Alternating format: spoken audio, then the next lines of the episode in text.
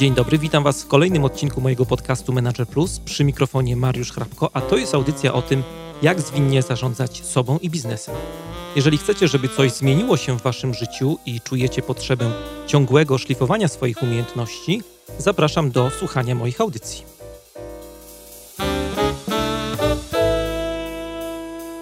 To jest podcast Manager Plus. Dzisiaj w audycji będziemy rozmawiali o zarządzaniu, ale w takim nietypowym trochę miejscu, bo w restauracji, w kuchni i z tej okazji e, audycja wyjazdowa w Gdańsku. E, dzisiaj moim i waszym gościem jest szefowa kuchni w swojej autorskiej restauracji Basia Ritz. Witam cię Basiu bardzo serdecznie. Witam serdecznie. No właśnie, siedzimy sobie w twojej restauracji, za oknem piękny widok, Stary Gdańsk, Marina. Wystrój jest bardzo nowoczesny. Chciałem zapytać, czy to wszystko jest y, twoja robota, czy raczej architekt to wszystko zaplanował? E, nie, ta restauracja jest od początku, właściwie od podstaw, od podłogi do sufitu jest e, moim pomysłem i um, właściwie wszystko zaczęło się od sufitu tutaj, ponieważ um, pierwszy pomysł na restaurację i na jej wnętrze był zupełnie inny. Ona miała być taka bardzo ciepła, bardzo rodzinna, grube dębowe stoły. Ale kiedy zobaczyłam to miejsce i ono było w takim e, deweloperskim stanie jeszcze e, i zobaczyłam ten właśnie sufit, e, który mnie niesamowicie urzekł, stwierdziłam, że wszystko muszę zmienić i wymyśliłam właśnie to ten wystrój, w jakim ona teraz się znajduje. Więc stoły z grubych dębowych zrobiły się bardzo cienkie dębowe, ale i tak chciałam się skupić głównie tutaj na widoku. I wydaje mi się, że ten minimalistyczny e, wygląd restauracji tutaj na zewnątrz właśnie pozwala moim gościom skupiać się zarówno na jedzeniu, jak i na widoku. A widok mamy najpiękniejszy w Gdańsku, bo siedzimy vis-a-vis Gdańskiego Żurawia. No myśmy tutaj z żoną trafili kilka lat temu. Tutaj bywamy regularnie na festiwalu siestowym Filharmonii Bałtyckiej. Koniec kwietnia i zawsze się tutaj stołujemy przed koncertami od kilku lat. I taka jedna rzecz oprócz tego, co powiedziałaś, nas zawsze zastanawiała, co tutaj robi to poroże, które wisi nad barem. A, to nasz Rudolf, to jest mój Rudolf, który jest w mojej rodzinie już od wielu, wielu lat. I pamiętam, jak byłam dzieckiem, to już wtedy do babci mówiłam, że on kiedyś będzie wisiał u mnie w kuchni, e, a e, później e, takim moim marzeniem, od kiedy restauracja zaczęła być moim marzeniem, posiadanie własnej restauracji, wiedziałam, że Rudolf też tam zawita. On zresztą wisiał w mojej kuchni, też bardzo nowoczesnej, całej białej i wydaje mi się, że on tutaj ta, ta, tak troszeczkę wszystko to surowe łamie. Daje takie lekkie mrugnięcie okiem, a poza tym ja bardzo lubię taki eklektyczny styl, także uważam, że on tutaj idealnie pasuje. No restauracja jest y, bardzo domowa, tak jak powiedziałaś. Tutaj tak y, z tego co wiem, to około 40 osób zdaje się wchodzi, tak? Nie, nie ma więcej miejsc. Y, to był świadomy wybór od początku. Tak, znaczy dokładnie mamy tutaj możliwość przyjęcia 50 gości wygodnie i komfortowo. E, ja mogłabym tutaj jeszcze więcej stolików postawić, więcej e, krzeseł. E, moi goście zagraniczni przeważnie są zdziwieni przestrzenią, jaka panuje w tej restauracji. Jednakże ja uważam, że 50 osób to jest maks, który ja mogę przyjąć, żeby zagwarantować im taką jakość e, podawanych dań, jaką ja bym chciała sama mieć na swoim talerzu. Na stronie internetowej waszej restauracji, jak sobie wczoraj tam zajrzałem jeszcze, to e, zajrzałem na kartę, chciałem zobaczyć, jakie są teraz dania, ale jest napisane, że no, karta jest niedostępna, bo jesteście cały czas w procesie tworzenia i to menu się zmienia. Chciałem zapytać, jak, jak ten proces tworzenia wygląda, bo to jest zawsze fascynujące E, no kiedy, kiedy ty masz czas na to, żeby wymyślać nowe potrawy, kiedy masz czas, żeby w ogóle testować? Nie wiem, czy w ogóle testujesz te rzeczy jakoś na gościach? E, znaczy, rzadko mi się to zdarzy, żeby testować e, dania na gościach. To jest przeważnie tak, że ja wymyślam sobie swoje dania wieczorem przed pójściem spać. I przeważnie leżąc w łóżku, i ja mam ten komfort, może że moje smaki, wszystkie smaki w ogóle mam w głowie i um, wiem, jak je komponować. I wydaje mi się, czasami mam, mam e, takie lekkie wątpliwości i wtedy um, próbuję to, ale do tej pory nigdy mnie moje pomysły także nie, nie zawiodły i to zawsze się sprawdza na początku wiem, że y, chyba jedynym daniem, właściwie no daniem, deserem, to były moje lody z kaszy gryczanej, bo chciałam wiedzieć, czy moi goście będą w stanie rozpoznać smak kaszy gryczanej w lodach.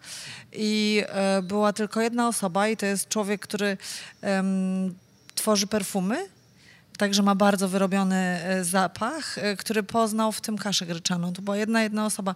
Cała reszta, nie wiedząc, że je lody z kaszy gryczanej, e, odnajdowała w tym smaki karmelu, orzechów, kawy, wszystkiego możliwego, ale na pewno nie kaszy gryczanej. Dopiero wtedy, kiedy im mówiłam, byli bardzo zaskoczeni i stwierdzali, że tak, to rzeczywiście tak to jest kasza.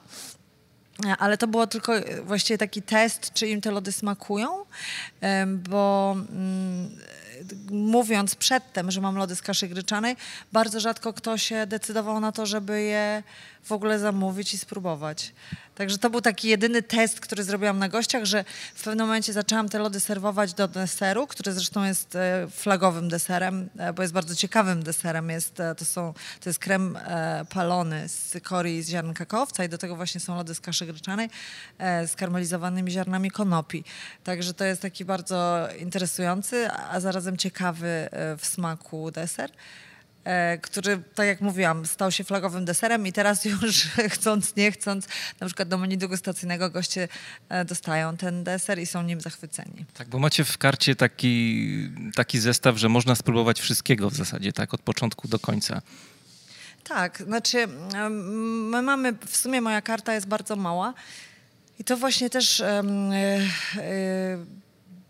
zostało właściwie stworzone z, z konieczności, ten pomysł na to, który stał się takim moim znakiem rozpoznawczym, e, że wymyśliłam sobie przed otwarciem restauracji menu e, i ono jest bardzo krótkie, ale to też było świadome, że mam trzy zupy, pięć przekąsek, pięć dań głównych i pięć deserów. Na początku się trochę tego bałam, ale stwierdziłam, że jeżeli goście w, wśród tych dań nie wybiorą nic dla siebie, to znaczy, że e, nie, nie lubią mojej kuchni, bo to jest przekrój e, wszystkiego właściwie i drób, i owoce morza, i, i e, mięsa czerwone, czy dziczyzna, także i makarony. Także zawsze można sobie coś wybrać.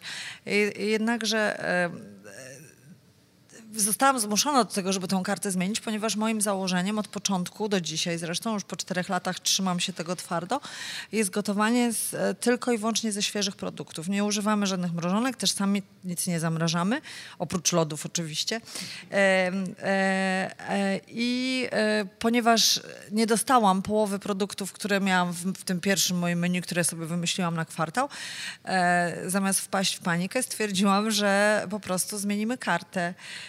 No i tak zaczęliśmy właśnie ją dostosowywać do e, świeżych, ciekawych produktów, które są na rynku. Dlatego też na początku staraliśmy się zmieniać tą kartę codziennie i robić update codziennie w, e, na stronie, ale to jest bardzo żmudne zajęcie i poza tym no tak trochę bez sensu dla mnie. Wstawiliśmy tam nasze menu degustacyjne. Menu degustacyjne to jest pięć małych dań. E, właśnie to jest taki przekrój karty, że goście mają możliwość spróbowania e, takich naszych, że tak powiem, flagowych dań. E, to menu też się zmienia, chociaż muszę powiedzieć, że sprawia mi to bardzo dużą trudność przekonać gości, którzy raz już to menu, którzy raz już to menu jedli, żeby jednak zdecydowali się może na coś innego, ponieważ oni twierdzą, że, że to jest tak idealna kompozycja tych wszystkich pięciu dań, że oni nie chcą próbować nic innego. No, mam nadzieję, że to się jednak skończy, ponieważ chciałabym zaproponować oczywiście większy wachlarz naszych możliwości. Ja przyznam szczerze, że w ogóle nie lubię zaglądać do menu, tylko uwielbiam, jak kelner mi powie, co mam zjeść i gdzieś tam za granicą, czy tutaj na przykład, jak jesteśmy, to zawsze pytam, co warto spróbować i, i, i lubię, jak kelner mi ustawi e, całą kolację na przykład i wtedy nie muszę się martwić i czytać i zastanawiać, co wybrać. E, no właśnie, e, między innymi dlatego powstało też to menu degustacyjne, a żeby jeszcze ułatwić gościom wybór, mamy do tego w selekcję win, także do każdego dania jest odpowiednio dobrane wino, co też zachwyca naszych gości, e, bo pomijając to, że te wina są idealnie skomponowane i się idealnie komponują smakami z daniami, ale też wielu gości mówi do mnie, że na szczęście odebrałam im tą, ten trud wybierania wina samemu z karty i E, są bardzo zadowoleni z tego powodu. Nie wiem, czy nasi słuchacze pamiętają, bo trochę czasu minęło, e, ale jesteś e, osobą, która wygrała pierwszą edycję Masterchefa. To była jesień 2012 rok. Wracasz sobie czasami do tamtego okresu? Co wtedy czułaś, jak usłyszałaś, usłyszałaś werdykt jury? Tak szczerze powiedziawszy, byłam trochę przerażona, ponieważ lekkomyślnie obiecałam, że e, wrócę po 25 latach emigracji do Polski i że otworzę własną restaurację. A ja zawsze e, dotrzymuję mojego słowa, więc wiedziałam, że e, teraz tą restaurację będę musiała otworzyć.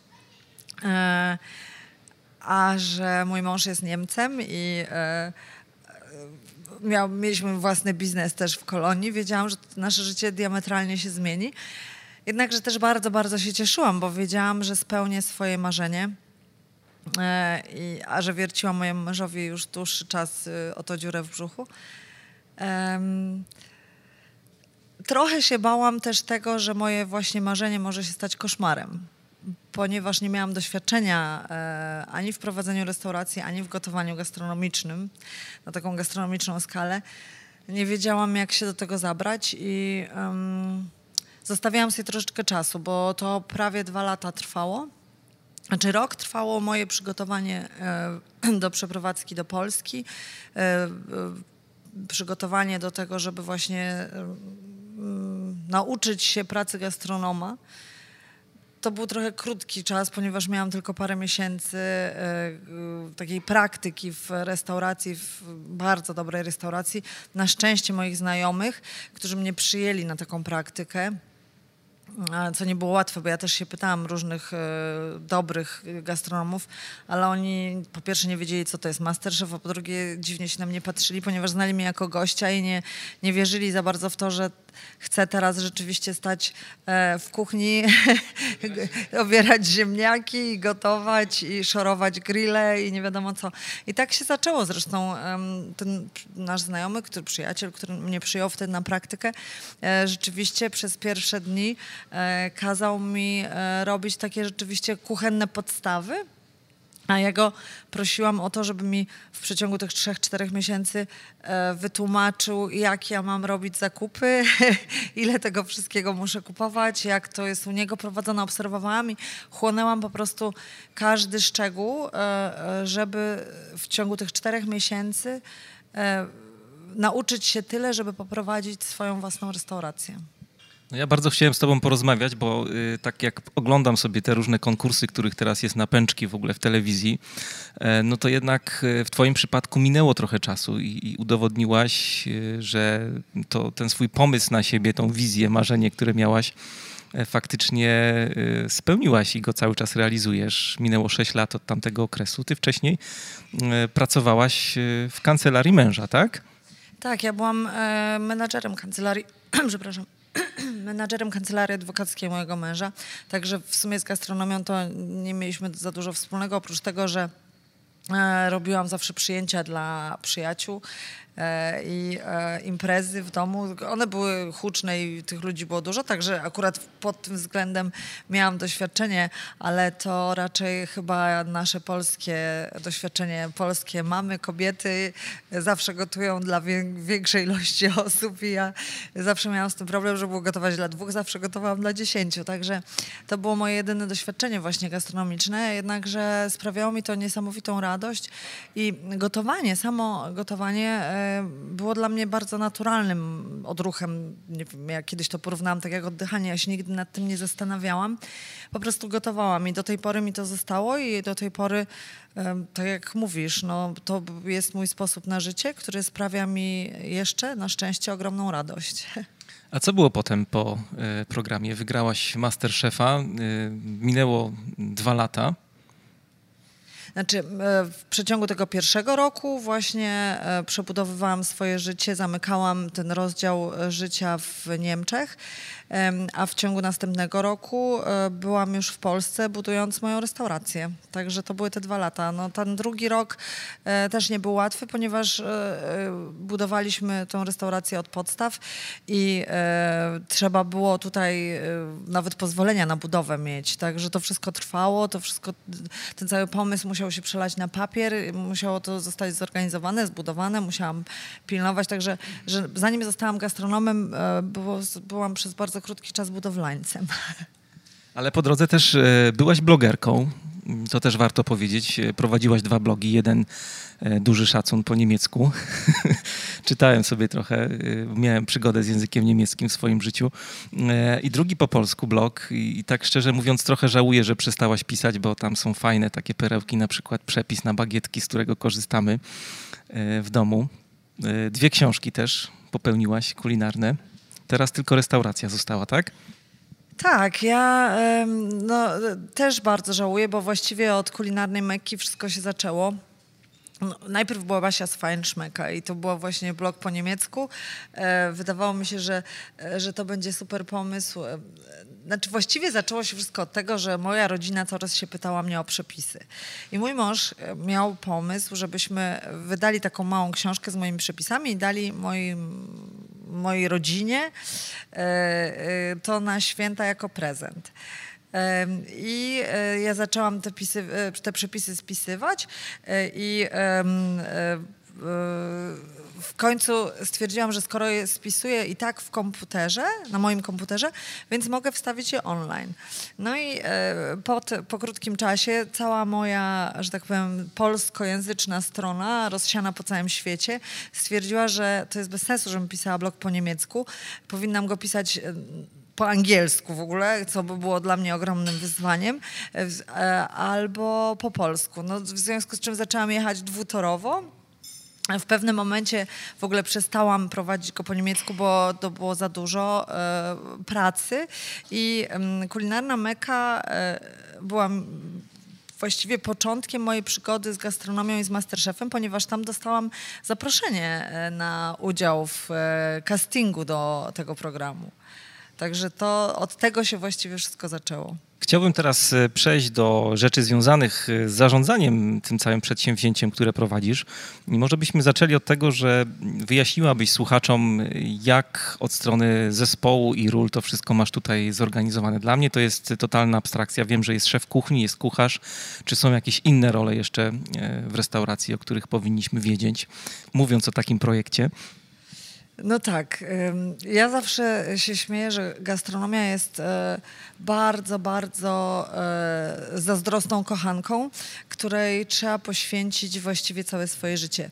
I ten cały projekt e, był tylko i wyłącznie możliwy w ten sposób, że zarówno ja, jak i mój mąż skupiliśmy się całkowicie na prowadzeniu Rica i e, pomysły na początku, że on tutaj prze, jakąś kancelarię swoją otworzy z doradztwem prawnym, w ogóle zapomnieliśmy o tym bardzo szybko, bo stwierdziliśmy, że albo nie będziemy się w ogóle widywać, co nie będzie dobre dla naszego związku, albo ta jedna noga biznesu nie wyjdzie, albo druga. W związku z czym e, ja jestem e, właścicielem, szefem kuchni, sprzątaczką czasami. E, mój mąż jest e, dozorcą i też wszystko robi, jak trzeba wskakuje na zmywak. E, także my we dwójkę jesteśmy non-stop tutaj i zajmujemy się, że tak powiem, tam, gdzie jest jakaś dziura, zaklejamy ją, ale do tego oczywiście mamy też swoją grupę tutaj ludzi, bez których ta restauracja by nie miała możliwości bytu. Ja zawsze twierdzę, że mm, pracownicy w mojej restauracji są jak łańcuch. I jeżeli jedno kółeczko w łańcuchu się zerwie, czyli nie, nie jest nie, na tyle silne, na ile być powinno, to wszystko się rozsypie i um, e, każde stanowisko tu jest ważne. My mamy około 15 pracowników. W tej chwili już w czwartym roku prowadzenia tej działalności stwierdziliśmy we dwójkę, że musimy jeszcze powiększyć zespół, ponieważ mamy coraz więcej gości i właściwie przez cały tydzień mamy pełne obłożenie i to nie jest łatwe dla nas przez te 12 godzin dziennie, 6 dni w tygodniu pracować. Mamy, e, ja mam w kuchni e, suszefa, junior suszefa, kucharza, młodszego kucharza, znaczy młodszych kucharzy i kucharzy, że tak powiem. E, na sali mamy, mamy też menadżera restauracji, mamy kierownika sali, mamy kelnerki, także to jest naprawdę już taka machina, nad którą ja cały czas czuwam, bo przez to też, że ja jestem codziennie w restauracji, e, mam pieczę nad tym wszystkim i to nie jest nigdy tak, że ja całkowicie e, zdaję się na przykład na, na to, że menadżer restauracji e, będzie robił swoje rzeczy, w ogóle nie, nie konsultując tego ze mną. Także wszystko w tej restauracji jest trochę inaczej robione niż normalnie, ale może to jest też um, tą tajemnicą sukcesu ja to robię e, też dlatego, że e, jako jedna z niewielu restauracji w Polsce jest ona firmowana moim własnym nazwiskiem i to jest tak dla mnie jakby na drzwiach wisiała wizytówka i ja kogoś zapraszam do swojego domu. Więc um, ja staram się, żeby tutaj wszystko było perfekcyjne i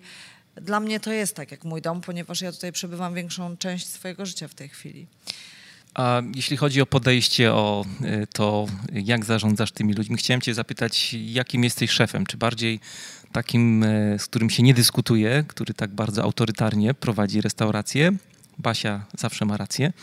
Czy, czy dajesz trochę swobody ludziom i jest takie pole do autonomii i do tego, żeby ktoś miał swoje zdanie i mógł zaproponować jakiś pomysł na przykład? Jak to wygląda tak na co dzień? Zdanie z moich pracowników może mieć swoje każdy i ja jestem bardzo otwarta na to, żeby ze mną na różne tematy rozmawiać i otwarta też na pomysły. Jednakże e, przyznam się szczerze, że e, ostateczna decyzja zawsze należy do mnie z różnych powodów. Tak jak już wspomniałam, e, nad drzwiami mojej restauracji wisi moja wizytówka. To jest moja autorska kuchnia, w związku z czym ja nie korzystam z czyichś przepisów.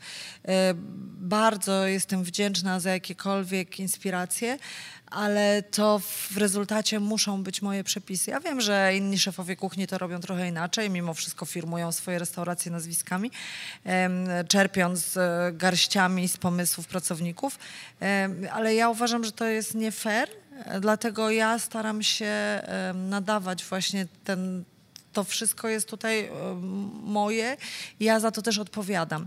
Ale E, musiałam się zaśmiać, jak e, powiedziałeś, że ja zawsze wszystko wiem lepiej, bo, bo, bo często tak niestety jest. Mój mąż się śmieje ze mnie, że jestem czarownicą, bo ja e, często rzeczy, które mówię, się sprawdzają, ale mi się wydaje, że to nie ma nic wspólnego z czarami. To jest po prostu bardzo um, wnikliwa możliwość przewidywania. I to jest chyba też, też przyczyniło się do tego, że, że odnieśliśmy sukces. A czego nauczyłaś się pracując z ludźmi? Bo mówiłaś, że y, no, zarządzasz inaczej niż w innych restauracjach. Y, sześć lat temu weszłaś tutaj po raz pierwszy. No, zespół masz y, bardzo duży. Czy, czy inspirowałaś się w ogóle jakimiś podejściami do zarządzania? Czy to było wszystko takie bardzo podejście empiryczne, że, że uczyłaś się po prostu na błędach? Jak to wyglądało?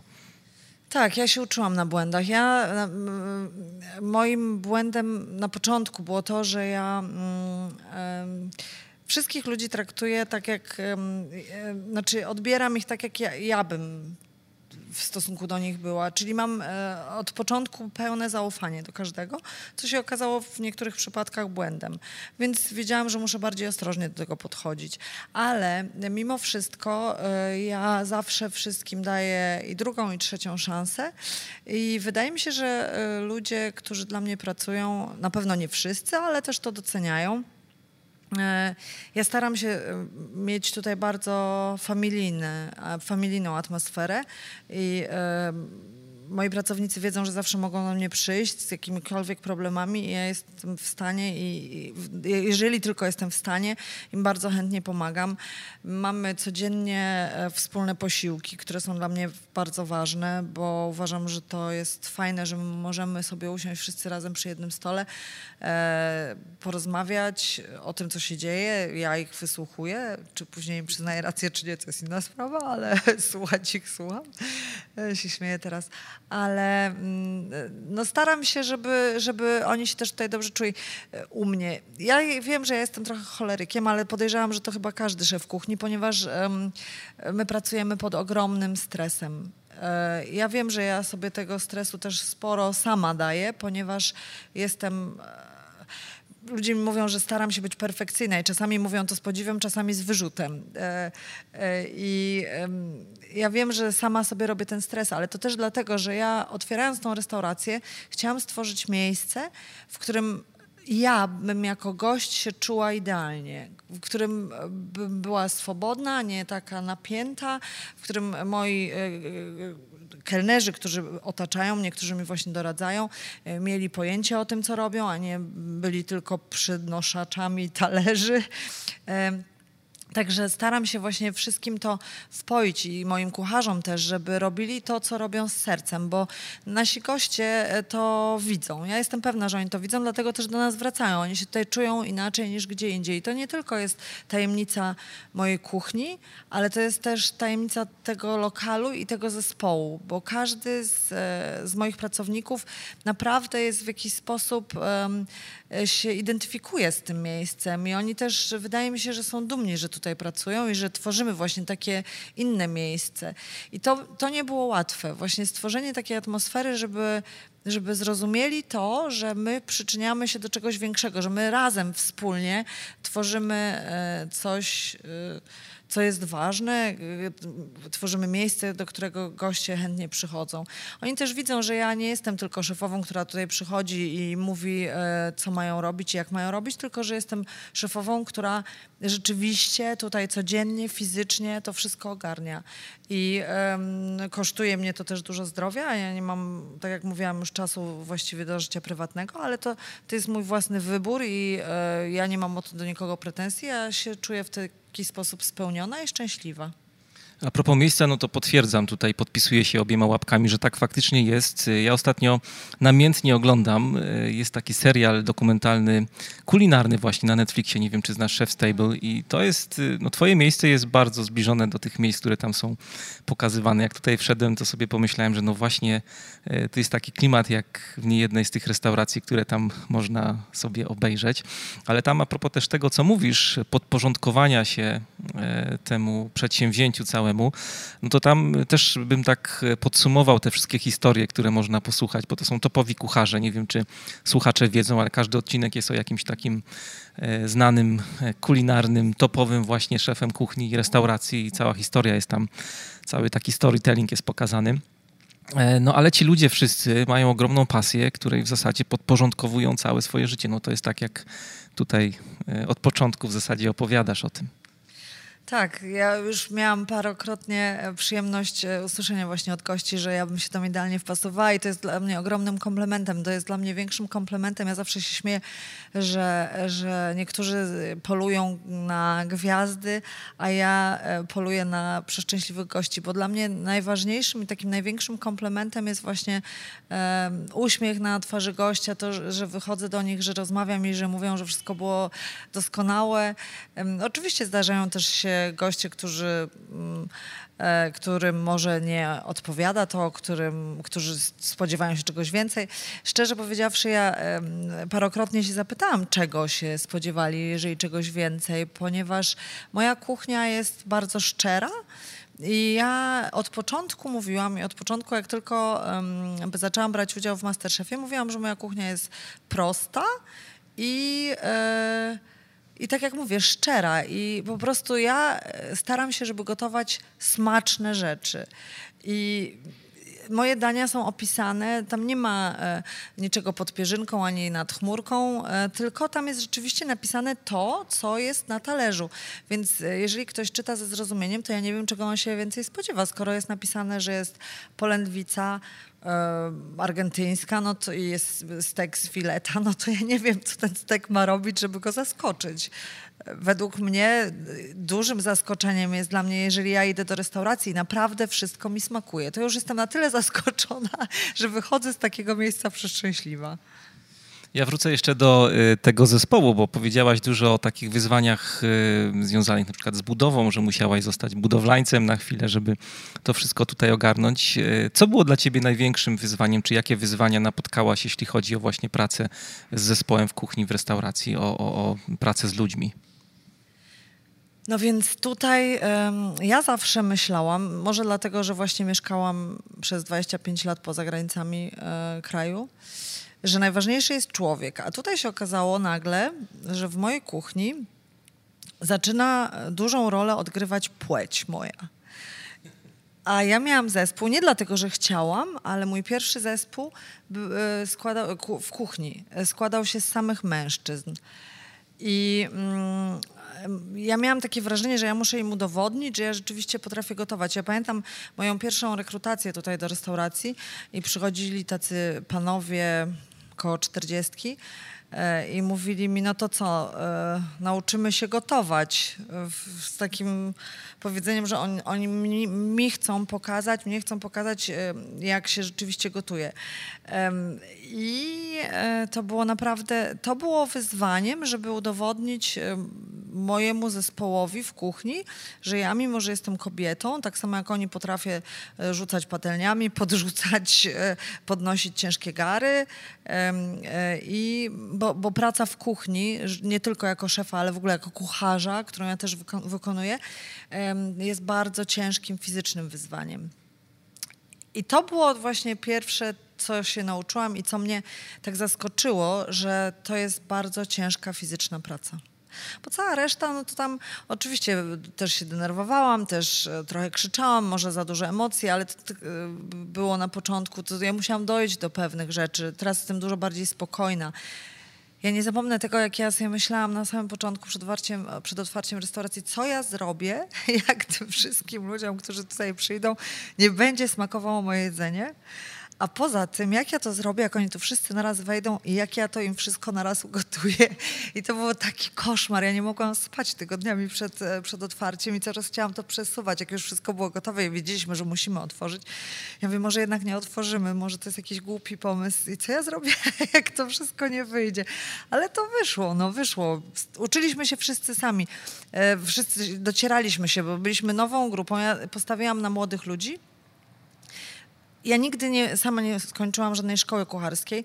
Ja sama e, uczyłam się kuchni świata, rozkminiając jej smaki u siebie w domu. Jeździłam na, w ogóle byłam takim foodie, ja uwielbiałam e, jeździć po restauracjach e, i to nie tylko gwiazdkowych, ale też e, w takich, gdzie lokalesi jedzą na całym świecie. Zawsze wąchałam, kurczę, gdzie wejść, gdzie siedzi najwięcej właśnie lokalesów, a nie turystów. I zaglądałam w garki naprawdę każdego kucharza i to taką ciekawość do jedzenia, miłość do jedzenia i um, szacunek do produktów, jakich ja używam, bo ja używam produktów tylko najwyższej jakości, było też wyzwaniem, żeby moich e, ludzi tego nauczyć, ponieważ oni, um, wielu z nich nie miało możliwości pracowania na takim produkcie. Teraz to już się zmieniło. To jest co, co prawda tylko 4 lata, ale zmienił się, ogromnie zmienił się rynek gastronomiczny w Polsce, na szczęście ale ja musiałam naprawdę wszystkiego tych moich chłopaków uczyć. Wydaje mi się, że mi się to udało. Wydaje mi się, że, e, że, że oni też wychodząc stąd e, szanują przynajmniej tyle biorą ze sobą, że szanują produkt, szanują. Moja babcia mnie tego nauczyła. Zawsze mówiła, że, że jeżeli już zabijamy zwierzę i to zwierzę dla nas ginie, to musimy w, odpo- w odpowiednim, w odpowiedni sposób e, okazać mu szacunek. Dlatego ja staram się też wykorzystywać każdą część. E, jeżeli zamawiam na przykład całą kurę, to robimy z, z tej kury wszystko po kolei, wywary i także nie wyrzucamy nic. E, tak samo z rybami Sami je filetujemy, zostawiamy y, te resztki na to, żeby właśnie zrobić z nich wywar, czy robić jakieś inne rzeczy. No i, i, I, to chyba jest najważniejsze, co ja tym właśnie młodym ludziom daję na ich nową drogę ży życia po mojej restauracji. A stawiasz e, w rekrutowaniu swojego zespołu na świeżaków właśnie, tak jak mówisz, czy, czy raczej budujesz taki Real Madryt kuchenny trochę? Nie, ja, ja przede wszystkim patrzę się na to, czy ta osoba jest y, sympatyczna.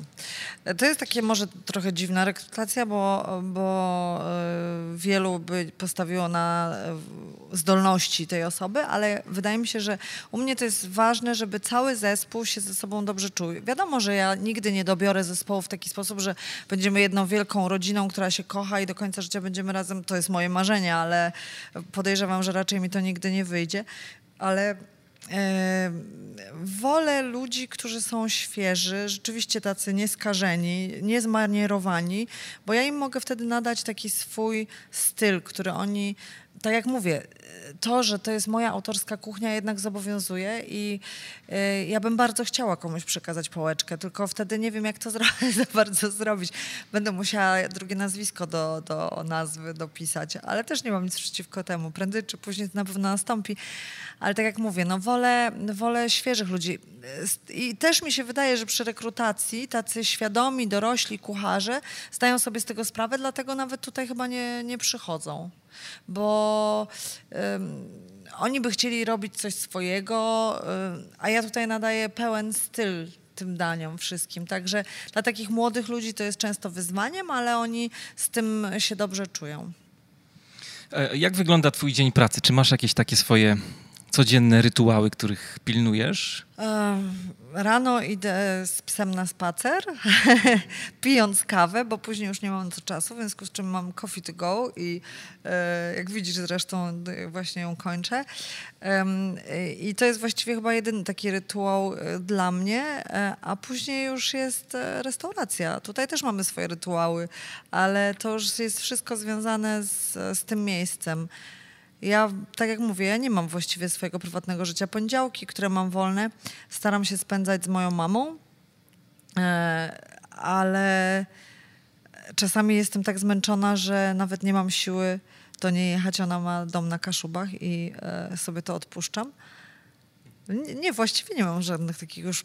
Kiedyś miałam, ale to kiedyś biegałam, teraz już biegam tylko po kuchni, także wystarczy mi biegania na co dzień. Ale mówiłaś, że z zespołem sobie siadacie i macie wspólne jedzenie na przykład. Tak, to jest rytuał, ale tak jak mówię, te rytuały, które mamy tutaj, to są e, związane z tym miejscem i mm, to, że na przykład codziennie jemy wspólny obiad, e, to, że po obiedzie, jeżeli jest czas, e, mamy kawę i ciasto i sobie tak tam właśnie e, rozmawiamy ze sobą, to, że na koniec pracy dajemy sobie high five wszyscy w kuchni, co niedzielę na przykład wznosimy toast za stary tydzień, za nowy tydzień. Także no, y, aż się wzruszyłam, ale to są rytuały, które teraz sobie w ogóle uświadomiłam, że to są rzeczywiście rytuały, które mamy w tym miejscu, ale tak jak mówię, one są związane tylko z tym miejscem, może dlatego, że to jest po prostu teraz moje życie. Zadaję to pytanie wielu osobom tutaj w audycji, wielu gościom. Kim jest lider dla ciebie? Jak byś zdefiniowała lidera? Lider to jest ktoś, kto jest w stanie pociągnąć za sobą tłumy, masy i który jest w stanie tych ludzi e, poprowadzić nie tylko, e, nie wiem, zmuszając ich do czegoś, ale e, zapalić w nich taką iskierkę czegoś, że będą chcieli to robić i będą chcieli za tobą pójść i będą szli za tobą w ogień. To jest dla mnie lider. Czujesz się liderem dla swojego zespołu w restauracji? Staram się, staram się i czasami mam takie poczucie, że, że w tym dniu udało mi się właśnie być takim dobrym, dobrym szefem, dobrym liderem właśnie dla nich. Czasami są gorsze dni, czasami lepsze, ale ogólnie rzecz biorąc, wydaje mi się, że po czterech latach e, nie, nie utonęliśmy, wręcz odwrotnie. E, statek cały czas płynie i płynie do przodu. Przemy w tej chwili już do przodu i mam nadzieję, że tak będzie przez następne lata, a to tylko świadczy chyba o tym, że właśnie jestem dobrym liderem i nie jestem skromna. Chciałem zapytać jeszcze o taką rzecz, e, która się wiąże z niepowodzeniami. Czy, czy masz jakąś taką w swoim życiu zawodowym, jakąś taką koncertową porażkę, takie nie, koncertowe niepowodzenie, które najwięcej cię w tym e, biznesie, w zarządzaniu firmą, w prowadzeniu tego przedsięwzięcia nauczyło? Ja na szczęście nie miałam tutaj żadnej porażki na szczęście naprawdę i odpukać we wszystko, co tylko można, e, ale nie miałam porażki. Jednakże mam czasami gości, którzy są niezadowoleni. Oni się zdarzają rzadko. Ja powiedziałabym nawet może raz na kwartał jeden gość, ale to boli, i wiesz, ja zawsze mówię, że jestem otwarta na konstruktywną krytykę. Jeżeli ktoś mi powie coś rzeczywiście konstruktywnego, to uważam, że to jest e, fajne i że ja mogę się tylko rozwijać.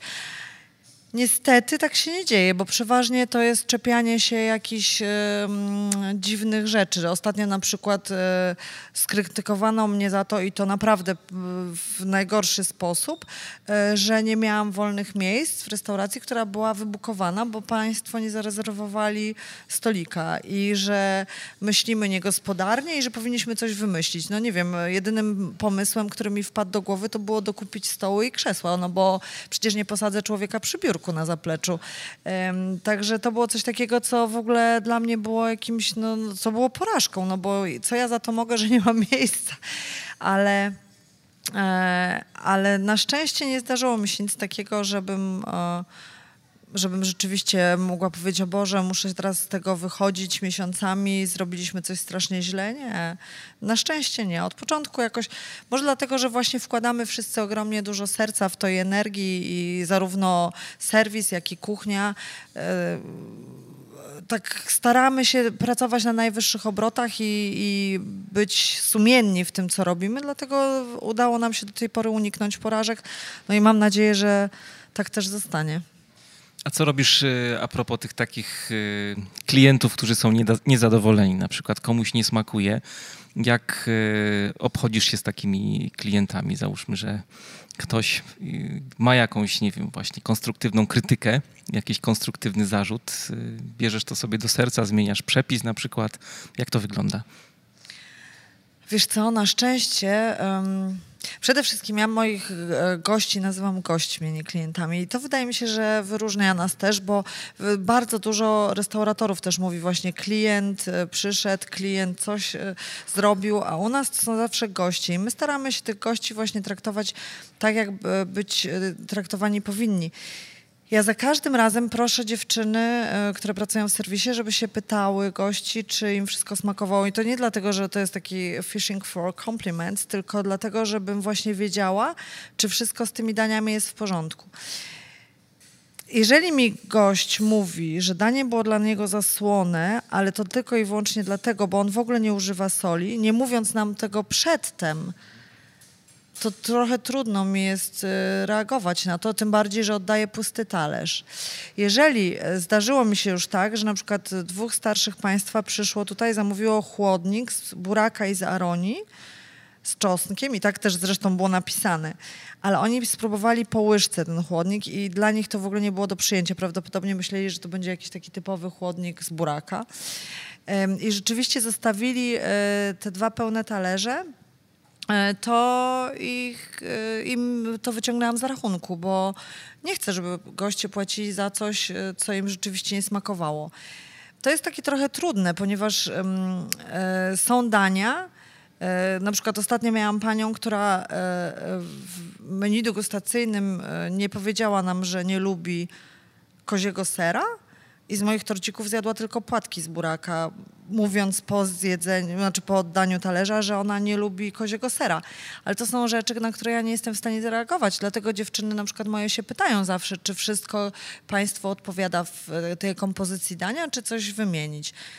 Mm, także ja mówię, jeżeli jest konstruktywna krytyka i ktoś mi rzeczywiście by powiedział, wie pani co, no nie wiem, spaliła pani coś tam, no to bym powiedziała bardzo mi przykro, rzeczywiście, nie, ja bym w ogóle nie wydała spalonego czegoś tam, także może zacznijmy od tego, że ja staram się, żeby te dania rzeczywiście były idealne, ale mówię, no gdyby któryś z moich kucharzy coś spalił, a ja bym tego nie zauważyła i ta gość by zauważył, że coś jest spalone i mu to nie smakowało i oddałby ten talerz, to oczywiście by nie musiał za to płacić. Ale na szczęście do tej pory nam się to nie zdarzyło. Oprócz tych starszych państwa, którym, którym nie smakował mój chłodnik. A propos spalenizny, był taki jeden odcinek poświęcony kucharzowi właśnie, który gotował gdzieś tam w Patagonii, Ameryka Południowa i on celowo przypalał swoje mięsiwa. To tak zwróciło na mnie uwagę. Ale jeszcze a propos y, tych niezadowolonych gości, ja tak y, sobie myślę, jak ciebie słucham, że twój produkt, tak patrząc biznesowo na to wszystko, jest dość specyficzny, bo mm, on przypomina trochę taki produkt, jaki wytwarza pisarz na przykład, albo jakiś poeta, nie? Wytwarzasz coś, co jest efektem twojej kreacji, y, jakiegoś tworzenia w kuchni yy, i to jest tak jak z hejtem właśnie a propos, nie wiem, książki Hemingwaya. Nie komuś się może podobać, a komuś nie. Ktoś to lubi, taką literaturę, albo ktoś nie lubi, nie? Oczywiście ja pomijam te takie aspekty, jak mówiłaś, że przypalasz danie na przykład, co ci się nie zdarza i tak dalej. Tak, ja zawsze na przykład mam momenty, kiedy się bardzo denerwuję w kuchni, jeżeli goście, którzy do mnie przychodzą, e, dyktują mi, co mam dla nich ugotować. Ostatnio miałam takiego gościa właśnie. Y, zrobiłam mu to danie wbrew mojej woli, ale wyszłam do niego też i mu powiedziałam o tym, że uważam, że to jest bezsensem przyjeżdżanie do mnie z tak daleka, bo to był gość z zagranicy. Y, I mówienie mi, jak ja mam gotować, gdzie to jest moja autorska kuchnia i moja autorska restauracja. Więc dużo bardziej bym się cieszyła, gdyby się zdał na taką przygodę, właśnie, żeby poznać moje dania.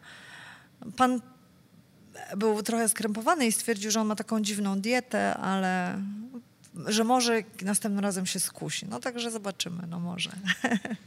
A czy Basia Ritz w ogóle chodzi do innych restauracji? Jeżeli chodzi, to co jada w tych restauracjach? Ja e, rzadko.